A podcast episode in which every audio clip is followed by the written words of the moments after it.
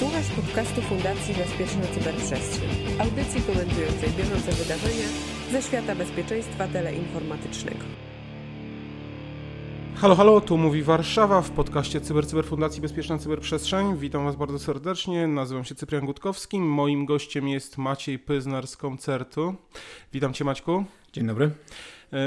Proszę Państwa, dzisiaj chcemy porozmawiać o troszeczkę już sprawach legislacyjnych. Pojawiło się w dniu 7 czerwca nowy projekt rozporządzenia ministra cyfryzacji w sprawie warunków organizacyjnych i technicznych dla podmiotów świadczących usługi z zakresu cyberbezpieczeństwa oraz wewnętrznych struktur organizacyjnych operatorów usług kluczowych odpowiedzialnych za cyberbezpieczeństwo. To ma swoją genezę. Myślę, że powstanie tego właśnie projektu rozporządzenia, także Maćku, może przybliżyłbyś trochę słuchaczom wszystkim, jaki był początek, jaki był zamysł tego, że w ogóle doszło do tak szybkiego tak naprawdę zmiany rozporządzenia. Tak, no yy, jak to powiedzieć ładnie. Yy, rzecz w tym, że yy, rozporządzenie, które jeszcze obowiązuje, no po prostu no jest trudne w realizacji, może tak powiem. E, z punktu widzenia, tak, jakby, tak jak koncert jest e, podmiotem świadczącym usługi, albo tak jak e, ci wszyscy, którzy zostali wyznaczeni na operatorów usługi kluczowej i w związku z tym muszą powołać struktury odpowiedzialne za wewnętrzne struktury organizacyjne odpowiedzialne za cyberbezpieczeństwo, no muszą spełniać wymogi tego rozporządzenia. Tak. Problem jakby główny tego rozporządzenia w naszym odczuciu polegał na tym, że mm, nie dawało żadnego czasu na to, żeby wdrożyć te, e, te wymagania. Zwłaszcza podmiotom świadczącym usługi. Tak, zwłaszcza podmiotom świadczącym usługi, tak, bo, bo operatorzy mieli wskazane, że, że muszą spełniać ten obowiązek w ciągu trzech miesięcy, że w sensie spełniać Niektórych, wymogi tego to... rozporządzenia, tak. E, a podmioty świadczące usługi po prostu musiały robić to z marszu, tak jakby z dnia na dzień. No i dwa, że mimo wszystko no, jest to dość kosztowne są te rozwiązania, bo to biorąc pod uwagę to, jakie są te wymagania wskazane w tym rozporządzeniu, no wiązało się to z pewnymi kosztami, których nie da się po prostu z dnia na dzień e, ponieść, no bo trzeba zapro, zaprogramować, zaprojektować, właściwie zaplanować jakiś e, jakiś proces związany z No nie, dziś wiadomo, że cyberbezpieczeństwo kosztuje, ale to pytanie jest bardziej, czy są to zasadne rozwiązania, czy są to rozwiązania niezasadne. No właśnie już y, nie mieliśmy okazji na y, etapie y, konsultacji tego pierwszego rozporządzenia się wypowiedzieć, w związku z tym jako koncert podjęliśmy pewne działania zmierzające do tego, żeby, żeby ten głos sektora został przez ministerstwo usłyszany. Więc odbyliśmy spotkanie najpierw w Ministerstwie Cyfryzacji, gdzie jakby w sumie wnioskiem z tego był taki, żeby, żeby zebrać głosy sektora i przedstawić Ministerstwo Cyfryzacji. W tym momencie ono być może e, jakoś się do tego odniesie, e, przy czym no, raczej przychylnie.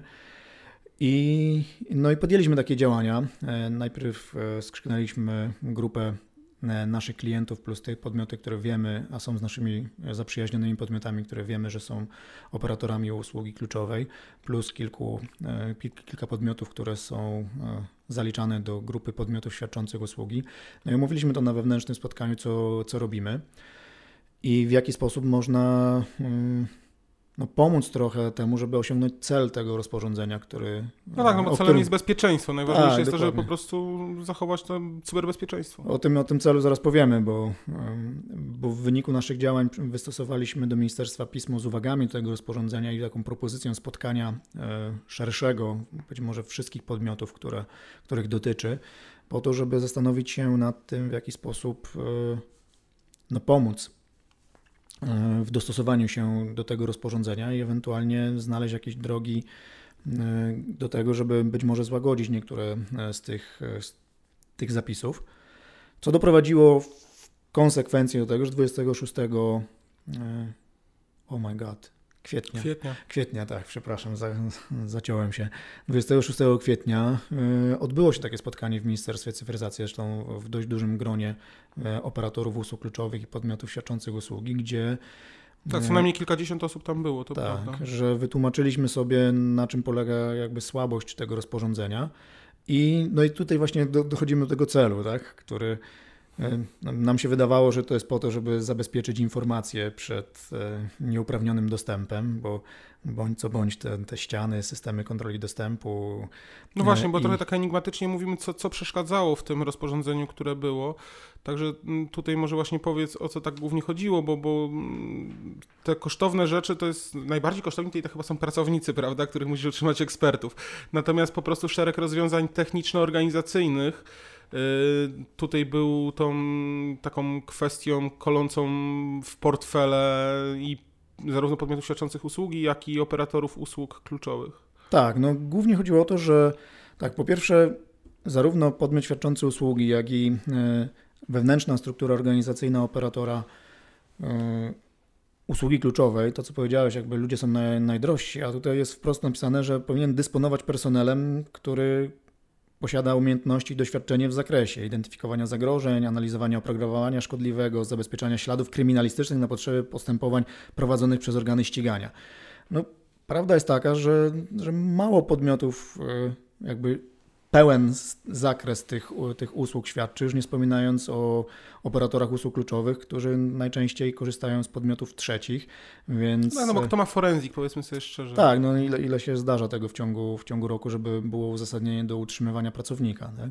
Odpowiedzią ministerstwa było oczywiście to, że jakby ono to dysponowanie personelem nie, nie rozumie dosłownie w rozumieniu takim, że, że należy ich mieć na etacie, no ale można mieć, pod, mieć podpisaną umowę z podmiotem, który świadczy usługi, tak? Ale to, doprowadza do sytuacji, w której wyspecjalizowana osoba na przykład, która tym się zajmuje na co dzień, tak? No bo są, bo tak, bo z reguły tak właśnie jest, że, że, że to nie są jakieś duże firmy, tylko pojedyncze osoby, które dysponują sprzętem i, i oprogramowaniem. I umiejętnościami. I umiejętnościami na co dzień się tym zajmują, najczęściej właśnie jako biegli sądowi, staje się podmiotem świadczącym usługi, a to oznacza ni mniej, nie więcej, tylko to, że musi mieć, co prawda jest napisane adekwatne do e, pomieszczenia Świadczone podmioty, tak, ok. Są zobowiązane dysponować prawem do wyłącznego korzystania z pomieszczeń, które wyposażone są w zabezpieczenia techniczne adekwatne do przepracowanego szacowania ryzyka, w tym co najmniej. No i tutaj w tym co najmniej jest dość duża lista, w tym między właśnie innymi budzące największe e, rozbawienie często e, właśnie zewnętrzne ściany, czyli ściany zewnętrzne odporności na łamanie równoważnej odporności muru o grubości 25 cm wykonanego z pełnej cegły. No i teraz się okazuje, że człowiek, który e, prowadzi działalność z zakresu właśnie zabezpieczania śladów kryminalistycznych w swoim mieszkaniu najczęściej, no Prawdopodobnie musi sprawdzić, czy, czy ściany tego mieszkania zewnętrzne, w którym, a właściwie pokoju, w którym prowadzi e, te, te badania, są, są odpowiednio zabezpieczone i czy ma drz, wejściowe drzwi do tego pomieszczenia. Czy klasie, wyłączność korzystania. Tak, wyłączność nie jest zameldowany na przykład jeszcze dodatkowo brat, tak. szwagier? Tak, dokładnie tak. Plus właśnie, czy wchodząc do tego pomieszczenia ma system kontroli dostępu i, i drzwi w klasie RC4. No i takie między innymi rzeczy wskazywaliśmy, plus wskazywaliśmy oczywiście to, że rzeczywistość rynkowa jest taka, że większość e, organizacyjnych struktur operatorów usług kluczowych jest tak naprawdę no, zamknięta w biurowcach szklanych, tak? I, i raczej nie ma Całkiem tam, bezpiecznie. Całkiem bezpiecznie, tak? Nie ma raczej tego typu e, zabezpieczeń stosowanych jak, jako norma, tak? No i wskazywaliśmy na jakby pewną niespójność, no bo skoro ma być adekwatne do, do przeprowadzania, przeprowadzonego szacowania ryzyka, no to w tym co najmniej jakby odrywa się w tym momencie od tego szacowania ryzyka. I no tam była dość gorąca dyskusja na ten temat. No i właśnie a propos celu, to dowiedzieliśmy się, że te ściany to nie są po to, żeby zabezpieczać informacje operatorów usług kluczowych e, i tak dalej, tylko właśnie, żeby zabezpieczać operatorów, owszem, ale usług, znaczy operatorów SOC, SOC. tak? Więc Rzeczywiście padło takie stwierdzenie, to, to ja potwierdzam, ponieważ też byłem na tym spotkaniu i no, no wydaje nam się to trochę absurdalne, mi zwłaszcza, że no, ja sobie nie wyobrażam, oczywiście człowiek jest cenny i życie ludzkie jest najcenniejsze, ale dostać takiego potem operatora soku na ulicy, dorwać, gdyby ktoś chciał, to by go dorwał, mówiąc kolokwialnie. Natomiast samo zabezpieczenie go siedzącego przy komputerze, hmm, no i cóż on może nawet zdradzić siedząc przy tym komputerze, że potrzebuje tych nie wiadomo jakich ścian. Tak, dokładnie. Zresztą y, pojawiała się tutaj analogia do kancelarii tajnych, więc no, wykorzystując tę analogię, no, również jakby powiedziałem, że no, to tak jakby uzasadniać, że y, zabezpieczenie kancelarii tajnej w, w te właśnie wymogi, bo te wymogi są troszkę przepisane z kancelarii tajnej, służy temu, żeby zabezpieczyć kancelistę, a nie dokumenty i informacje niejawne, które są w tej kancelarii przechowywane. E, w każdym bądź razie ministerstwo po tymże spotkaniu burzliwym zobowiązało się do tego, że no jakby przyjrzy się możliwości mm, to znaczy troszeczkę cię sprostuję. Oni Tak, już na tym może. spotkaniu zapowiedzieli, że rzeczywiście jest pe- pewna propozycja i że już wiedzą, że jest taka sytuacja, więc coś przygotowali i będzie ministerstwo starało się to przedstawić. Natomiast tutaj no rzeczywiście dostali takiego solidny feedback od y, operatorów usługi kluczowej i podmiotów świadczących usługi z zakresu cyberbezpieczeństwa, że no, te kwestie wymogów, zwłaszcza tych dotyczących pomieszczeń, są troszeczkę oderwane od rzeczywistości i pozbawione tego sensu, którym jest świadczenie tej usługi. Tak. No i ministerstwo właśnie po w sumie no mniej niż dwóch miesiącach, bo, bo to jest z czerwca Mhm. e, projekt, e, przesłało do konsultacji właśnie. No e, właśnie, no i co nowy takiego projekt. mamy w tym projekcie? No i nie wiem, jak to ładnie powiedzieć. My to tak w piśmie napisaliśmy, że to nie do końca odzwierciedla to, co było na tym spotkaniu postulowane. Każdym bądź razie e, rzeczywiście ministerstwo zauważyło, że są bardzo małe podmioty świadczące wyspecjalizowane usługi, tak jak na przykład właśnie ten forensics, o którym mówiliśmy, jak również na przykład e, analizy malware'owe e, i, i tak dalej, które jakby zostały wyłączone z obowiązku posiadania tych pomieszczeń i w stosunku do nich, że mają być zabezpieczenia informacji adekwatne do tego, w jaki sposób e, jest przeprowadzona ocena ryzyka dla tych informacji. E, I to uważamy za, za, za słuszne, oczywiście. No i teraz ministerstwo skoncentrowało się na tym, że e, wymagania dotyczące pomieszczeń dotyczą właściwie tylko usługi związanej z obsługą i zarządzaniem incydentami, czyli e, wychodzi na to, że e, to zabezpieczenie ma dotyczyć e, struktur związanych e, z Security Operation Center, ewentualnie e, podmiotów, które świadczą usługi w tym, w tym zakresie. No i tutaj e, mówiąc o tym, że, że nie do końca to jakby odpowiada, mam na myśli przede wszystkim to, że został utrzymany ten to oderwanie od oceny ryzyka. Mianowicie znowu mamy dokładnie ten sam e, zapis mówiący o tym, że Tylko, że zmniejszono grubość tych ścian, co wcale nie chodziło o zmniejszenie Tak. grubości, bo równie dobrze można było ją poszerzyć. To tu nie o to chodzi, jeżeli mamy na przykład szklane budynki właśnie, o których mówimy, które są wyposażone w ochronę, są cały czas na przykład odbywa się w nich praca i tutaj rzeczywiście kwestia włamania się bez zauważenia jest znikoma. Tak, dokładnie do tego zmierzamy, tak, że w dalszym ciągu mamy zapis, który mówi, że zabezpieczenia techniczne adekwatne do przeprowadzonego szacowania ryzyka, w tym co najmniej, tak? I znowu mamy to, to co najmniej i ono właściwie nie zmieniło się wiele, poza tym, że, że tylko grubość się zmieniła. Cegłę zamiast, jak to mówią budowlańcy, na sztorc kładziemy teraz wzdłuż, tak, czyli mamy e, 12 centymetrów cegły. A tak jak wspomniałeś, no rzeczywistość jest taka, że, że pomieszczenia SOK nie są z reguły e, umiejscowione w tych pomieszczeniach, które są dostępne z zewnątrz, mam na myśli z zewnątrz zupełnie budynku, tak? No, mamy wielu klientów, do których chodzimy, w których, żeby dostać się do zespołu, który zajmuje się cyberbezpieczeństwem, najpierw przechodzimy przez, e, rece- przez, przez recepcję, na której dostajemy ten, później przychodzi nas pan, bierze nas na piąte, szóste, któreś tam piętro, tam jeszcze jedne są od wind, y, system kontroli dostępu i dopiero wchodzimy do, do pomieszczeń, których... Znaczy bardzo często nawet wchodzimy do pomieszczeń biurowych, a potem dopiero już Tak, jeżeli chodzi do wejścia tak. do operatora, to są jeszcze kolejne drzwi, które również mają swoją kontrolę dostępu. Tak, więc to jakby zabezpieczenie tych osób, bo jeżeli myślimy już o tym, że, że, że chcemy zabezpieczyć tych operatorów, no po prostu jest nie, nieuzasadnione jakby z tego punktu widzenia, tak?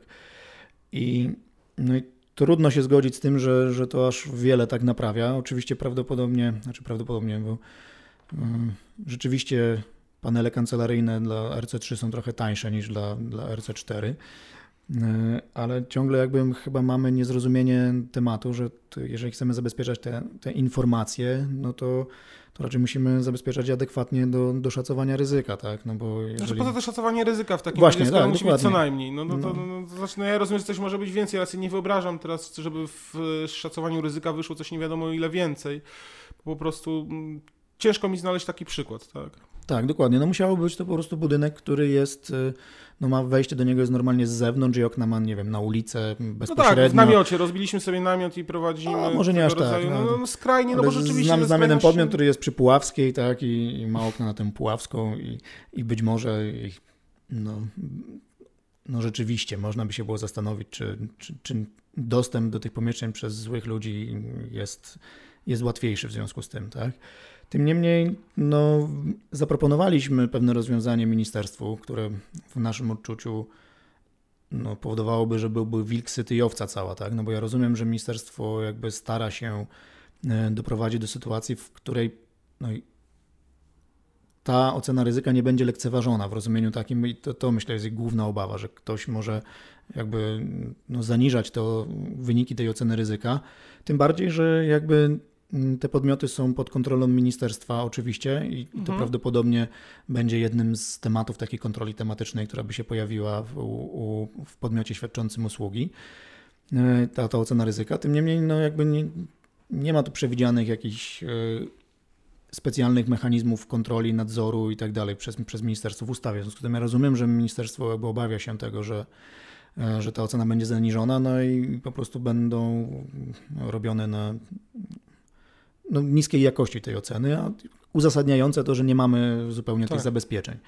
W związku z tym ja to jakby rozumiem. W związku z tym zaproponowaliśmy e, taki mechanizm, w którym trochę operator usługi kluczowej, który korzysta z e, Podmiotu świadczącego. podmiotu świadczącego, czy z usług podmiotu świadczącego usługi, no weryfikowałby trochę to, tak? No bo rozumiem, że... Rozumiem, chodzi o to, żeby była mu przedstawiana taka analiza właśnie ryzyka dokładnie tak. wykonana przez podmiot świadczący usługi i on by dopiero decydował, czy podpisuje umowę z tym podmiotem, bo jest zadowalająca go, czy nie. I ewentualnie dzięki temu też ministerstwo, rozumiem, celem było to, żeby ministerstwo mogło zażądać od y, operatora usługi kluczowej Tak, albo od podmiotu świadczącego usługi właśnie takiej... Znaczy, no od podmiotu świadczącego nie bardzo może ministerstwo, natomiast od operatora usługi kluczowej na pewno może zerknąć to, czy on dokonał tego słusznego wyboru, m, że mu została ta przedstawiona ta e, analiza ryzyka. Znaczy, Także zgodnie to- z ustawą ministerstwo jakby sprawuje nadzór nad podmiotami świadczącymi No tak. usługi, więc to był, byłaby forma tego nadzoru, tak? E, Rzecz w tym, że mm, no my weszliśmy z założenia, nie wiem czy słusznego, ale zakładamy, że słusznego, że na koniec dnia to podmiot świadczący usługi przetwarza informacje związane z bezpieczeństwem, które de facto należą do operatora usługi kluczowej. Dlatego właśnie to, to trochę operatorowi usługi kluczowej powinno zależeć na tym, poza podpisaniem e, dziesiątków zobowiązań e, takiego operatora do, do Mhm. zachowania tajemnicy i tak dalej, czy rzeczywiście e, są te informacje, które on przetwarza w swoich systemach, czy pracując na systemach operatora usługi kluczowej, są odpowiednio zabezpieczone, a właściwie, że, że dostęp do nich w przypadku akurat dostępu fizycznego jest, e, jest w ten sposób e, realizowany, tak, za, No zdecydowanie tak i uważam, że I- to też ma swoje plusy w tym, że to jednak kierownik tego operatora usługi kluczowej odpowiada potem, czy to wszystko jest kolokwialnie ok. W związku z tym on też będzie się starał, żeby ta analiza ryzyka była odpowiednia i odpowiednio poparta i oparta na właściwej metodologii. Także Tak, no tutaj w, nie napisaliśmy tego, ale być może to jest jakby do ministerstwa, żeby jakąś metodykę jakby wspólną zaproponowała, żeby to można było, chociaż wiem, że ja, ja wiem, już nawet w RCB dużo pracowaliśmy nad wspólnymi metodykami, które okazały się niemożliwe do, do osiągnięcia, bo każdy jest trochę inny i, i, i musiała być no, bardzo ogólna, a tą ogólną już mamy w, i w normach 27 tysięcy i 27 500 na przykład, tak? mhm. E, W związku z tym, no, widzimy jakby poprawę w rozporządzeniu rzeczywiście, że zauważone zostały podmioty, które bardzo wąsko specjalizują się w niektórych... tak, to jest e, ten paragraf piąty, który pozwala na to tak. zdalne świadczenie usług w tym rozporządzeniu. Ale teraz z kolei ja mam, ja mam jedną obawę, czy to właśnie nie stanowi swojego rodzaju wentyla bezpieczeństwa, który stanie się po prostu dziurą, przez którą schodzi całe powietrze, że powstaną firmy, które będą miały metr na metr e, pomieszczenie, w którym Zabezpieczone- będą zabezpieczone 25, przepraszam, 12-centymetrowymi ścianami, odpowiednimi drzwiami i tak dalej. I tam nikt nie będzie pracował, a wszystko będzie podzlecane na zewnątrz tak naprawdę i w ten sposób mamy... Nawet pracownicy pewnie będą mogli zdalnie e, No, pracować, tak? więc właśnie, więc to jest, to jest z kolei ten wentyl bezpieczeństwa, który jak mówię może się okazać, że po prostu jest olbrzymią dziurą, przez którą zeszło całe powietrze. No nie wiem, zobaczymy. Na razie jeszcze trwa proces y, składania uwag do, do tego projektu rozporządzenia. Y, ministerstwo jeszcze jakby nie określiło timeline'u, co, co dalej, w rozumieniu takim, kiedy, nie wiem, jakaś konferencja uzgodnieniowa, czy może jakieś zestawienie uwag do, e, do tego rozporządzenia. Ciekawe, ile uwag jakby spłynęło, tak, no bo to też Fundacja sprawa. Bezpieczeństwa Cyberprzestrzeni również napisała swoją opinię. Na pewno są plusy już tego rozporządzenia. Widać też, że rzeczywiście tutaj pomyślano nawet o tym terminie 30-dniowym, który daje możliwość przystosowania się do tych nowych obowiązków, które tak, tak, tak, tak. To rzeczywiście jest ten. No w ogóle, jeżeli mogę, to, to chciałbym bardzo pochwalić Ministerstwo Cyfryzacji w rozumieniu takim, że że rzeczywiście z nami rozmawia i, i to nie jest tak, że, że stawiają się w pozycji urzędnika, który po prostu decyduje, jest tak po prostu, bo tak ma być i, i koniec, albo się dostosowujecie, albo, no, albo płacicie kary, albo nie, nie możecie świadczyć usług, tylko rzeczywiście no, jakby stara się wyjść naprzeciw. I ja rozumiem, że ten projekt, który jest teraz, jest jakąś wypadkową tego oczekiwań e, różnych środowisk i, i tego, co powstało na, właściwie było wnioskami ze spotkania. No i rozumiem, że dalej będziemy pracować, więc e, ja tutaj rzeczywiście to tym optymistycznym akcentem myślę, że zakończymy nasz tak? podcast. Tak, tak, tak, tak, szybko, tak, szybko, tak szybko zleciało. Te ponad 20 minut y, upłynęło na naszej rozmowie na temat y, rozporządzenia do ustawy o krajowym Rozporządzenie, a właściwie projekt jego jest dostępny na stronach e, ministerstwa. E, z mhm. tego co pamiętam. Będzie, więc... będzie w linkach właśnie do naszych relacji, także też Wam przypominam, że możecie nas słuchać e, w różnego rodzaju platformach, na naszych social mediach, na naszej stronie. Także jesteśmy, jesteśmy dostępni, otwarci na komentarze. Dziękujemy za te, które spływają. Także jak najbardziej polecamy się. Również przypominamy, że niebawem, bo już we wrześniu konferencja Security Case Study e, prawdziwa konferencja oparta na prawdziwych zdarzeniach, jak sama nazwa wskazuje. Także, także będzie dość ciekawie w Warszawie. Również możecie się z nim zapoznać na naszych stronach internetowych fundacyjnych. Może jeszcze powiedz kiedy, bo... 12-13 mm, września Warszawa, hotel Soundgarden e, przy Okęciu, więc jak ktoś samolotem, to również bardzo szybko dotrze. No i będzie tam można spotkać także wszystkich nas, którzy nagrywamy podcasty, będą e, inne podcasty również tam dostępne, także, także bardzo ciekawa impreza się szykuje, taka bardziej socjalna w tym momencie, no i oczywiście też merytoryczna, tak jak mówię o, tych, e, o tym case study.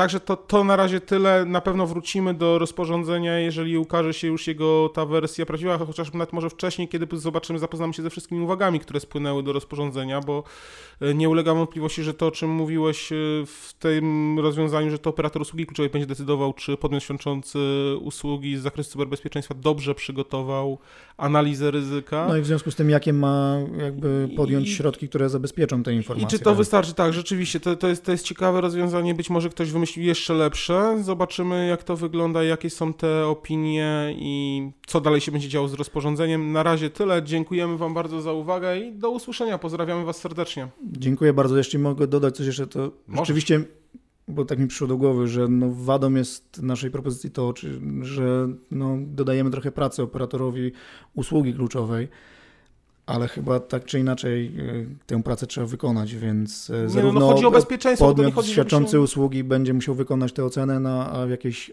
analizie będzie musiał poddać ją operator usługi kluczowej, bo w tym rozwiązaniu właściwie po pierwsze nie, właściwie nie trzeba by było wykonywać tej analizy ryzyka, a jeżeli ona była wykonana, to to nie podlega weryfikacji przez żaden z podmiotów. Do, dopiero wtedy, kiedy ministerstwo pojawi się z jakąś kontrolą u takiego operatora, co, co uważamy, że, no, że po prostu nie służy całemu systemowi. Przepraszam i e, dziękuję. Nie ma co przepraszać. Bardzo dziękujemy i do usłyszenia.